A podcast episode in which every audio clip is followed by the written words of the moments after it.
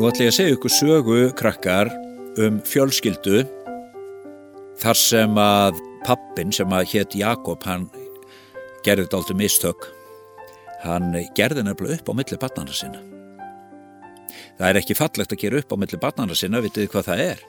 Það er ef að, ef að pappið og mamma elska eitthvað eitt barn meira heldur en hinn það ger ekki góðu fóreldrar Jakob var að vísu góðu pappi en hann gerði þessi mistök.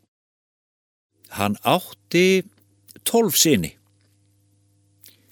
Þeir héttu Rúben, Símor, Levi, Júta, Dan, Naftali, Gath, Asser, Isaskar og svo Jósef og Benjamin. Jósef er aðal personin þessari sögu en það var daldi slæmt að hann var líka aðal personin lífi pappasins og honum fannst bara mest vænt um Jósef og allir bræðurnum fundu það. Nefna Benjamin sem var svo lítill og elskaði bara stórubróðu sinn. Hinn er bræðurnum allir sem voru óttin fullotnum en þeir öfunduðu Jósef bróðu sinn og einn daginn þegar Jakob pappið er að koma með rosalega flottan kirtil sem var í mörgum, mörgum litum, það var svona stór flott yfirhöfn sem að hann gaf Jósef og sagði mér langar til þess að þú eigir þannig kirtila því að þú er svo fallegur ég elska þið meira heldur en alla hína sinni mína. Úf, þetta var ekki nú gott en sagan átt eftir að versna. Dag einn sagði Jakob við Jósef, Hyrðu Jósef, viltu fara fyrir mig til bræðræðina, þeir eru að passa kindurnar, viltu fara og aðtóa hvort það sé ekki alltaf ganga vel og hvort að kindurna sé nokkuð að týnast. Allt í lagi pappi minn, já, heyrðu, og farði í kirtilinn svo þú allir sjáu hvað þú átt, átt flott fött. Ok, pappi minn, saði Jósef og fór í fína kirtilinn og gekk á stað að leita bræðinu sín. Þegar hann kom langt út í sveitina, þar sem að bræður hans voru að passa kindurnar, Þá gekk hann um og leitaði og leitaði þangat hann á loksin sáð á langt í burtu að þarna voru þeir með kindurnar að passa þeir. Jæja, nú finn ég þá og get fengið frettir og farið aftur heim til pappa, hugsaði Jósef. Hann var ekki meðvitaðan á um það að bræður hans öfunduð hann svo mikið að þeir voru að hugsa um að drepa hann. Nei, við getum ekki gert það, sagði Rúben sem var elstu, við drepum ekki okkar eigin bróður. Og hann er svo gremmjulegur, sjáuði nú kemur hann, hann kemur hann í fína kirtlinum frá pappa, pappa drengurinn.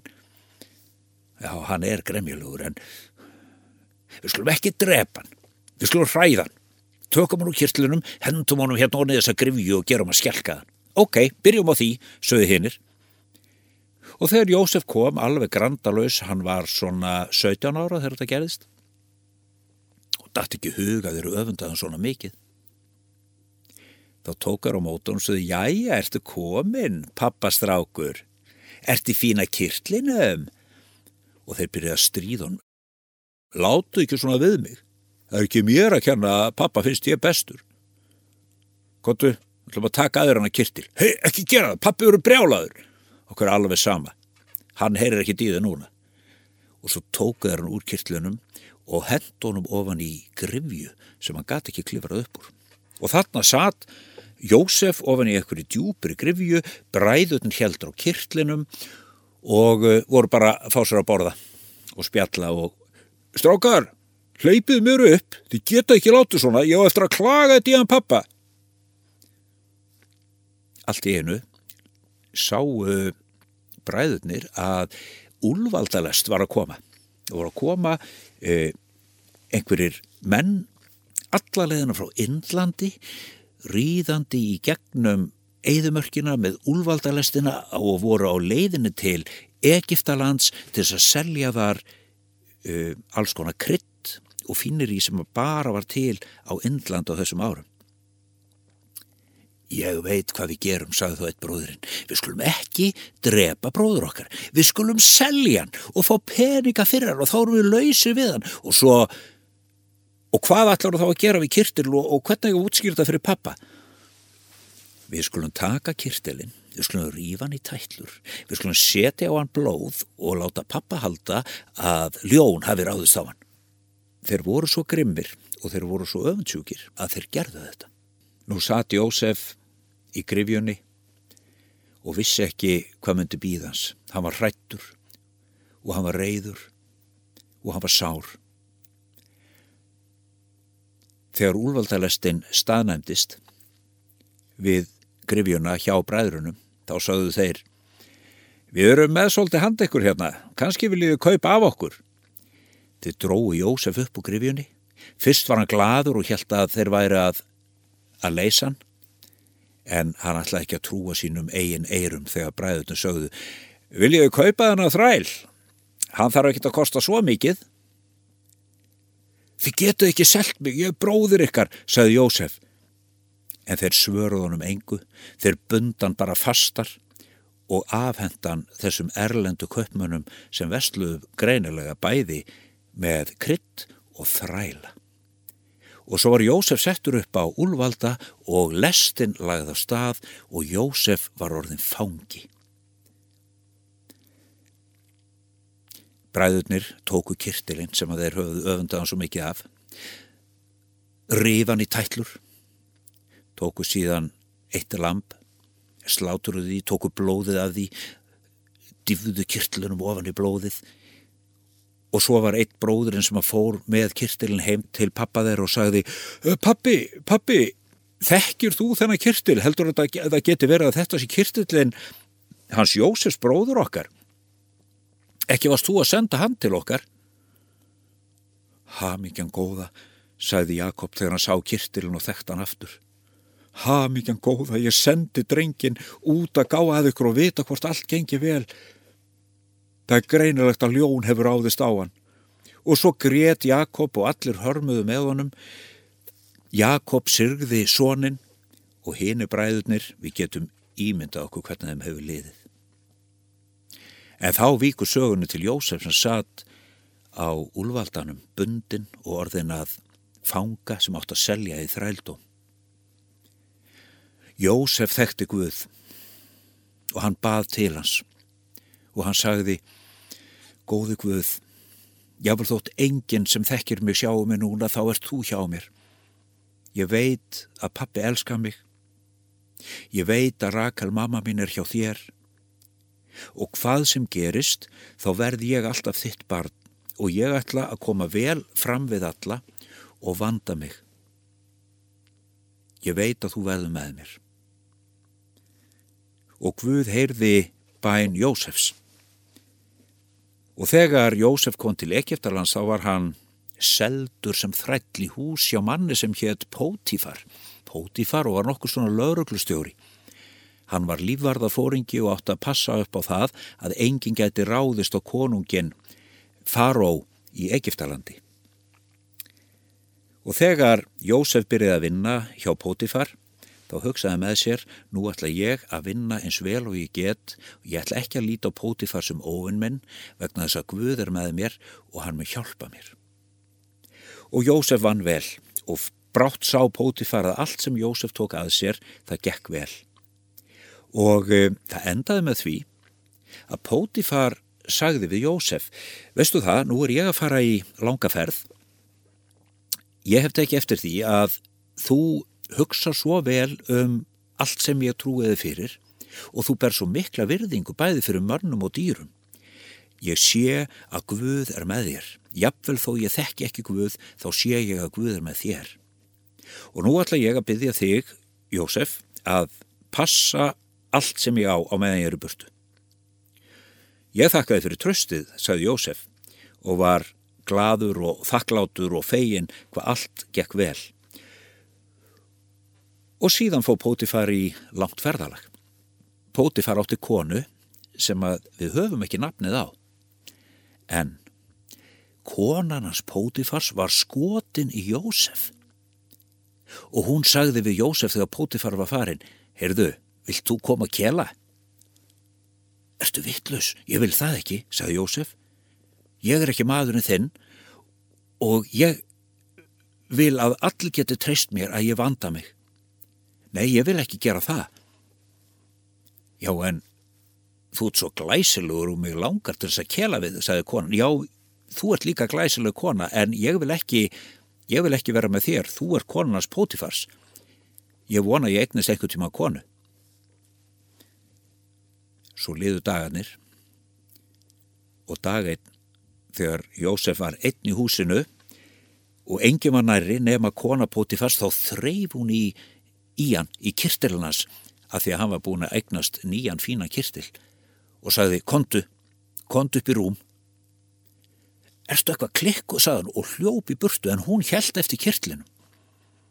Þar sem hún stóð með kirtilin í höndunum, þá var hún móðguð og reið og þegar Pótifar kom heim og ferðalæginu þá sagði hún við hann, heyrðu, þessi hebreski þræll sem að þú komst með hérna í húsið, heldur hann hafi ekki verið að reyna við mig og fá mig til þess að kela við sig? Hvað segir þú? sagði Pótifar og var strax mjög reyður. Já, og hér er kirtillin. Ég reyf í hann og sagði láttu mig í friði og þá hljópa hann út og hér er kirtillin hans. Þú getur spurt hann hvort hann eigi ekki hann að kirtill. Og í annað sinn í lífinu var kirtillin tekin af Jósef og Pótifar sagði við hann þú skalt fara í dýflissuna og vera fangi. Þú ert búin að gera ljótan hlutt skammastuðin og farði í dýflissuna og vertu þar. Og Jósef endaði sem fangið öðru sinni. Góði Guð, baði Jósef. Ég veit að pappi elskar mig ef hann er á lífi. Ég veit að mamma er hjá þér í himnunum. Hvað sem núna gerist, þá ætla ég samt alltaf að vera þitt barn. Ég ætla áfram að koma vel fram við alla og treysta því að þú ert með mér. Hjálpaði mér góði Guð, sagði Jósef. Og Guð var með honum og núna þegar hann sati í fangelsinu innan um hína fangana, þá koma fram að virðingu við alla sem hann mætti, hlustaði vel, sagði það sem hann meinti, meinti það sem hann sagði og allir fundu og hann var velviljaður og sterkur maður. Og fangaverðin fór að treysta Jósef og það endaði með því að Alltaf ef að fangaverðina vantaði eitthvað í hjálp og eitthvað þurft að skipulegja, eitthvað þurft að gera, þá bara báður Jósef og hann fekk allallega að vera vinir í fangelsinu. Og nú var orðið svo gott að vera í fangelsi að það leið bara öllum vel í dýflissunni. En dag eitt gerðist það. Að tveir nýjir fangar kom í dýflissuna. Annar var eh, byrlari konungsins faró Það er að segja maður sem sáum það að hella víninu í byggarinn og sjá til þess að hann fengi bara holdt og gott að drekka. Hinn var bakari farós, sá sem sáum að baka öll brauðin og kökurnar í vestluna fyrir faró. Þessir menn höfðu verið sagaður um það að hafa stólið eða gert eitthvað hræðulega hlut sem við vitum ekki hver var. Þeir komu mjög dabrir í bræði.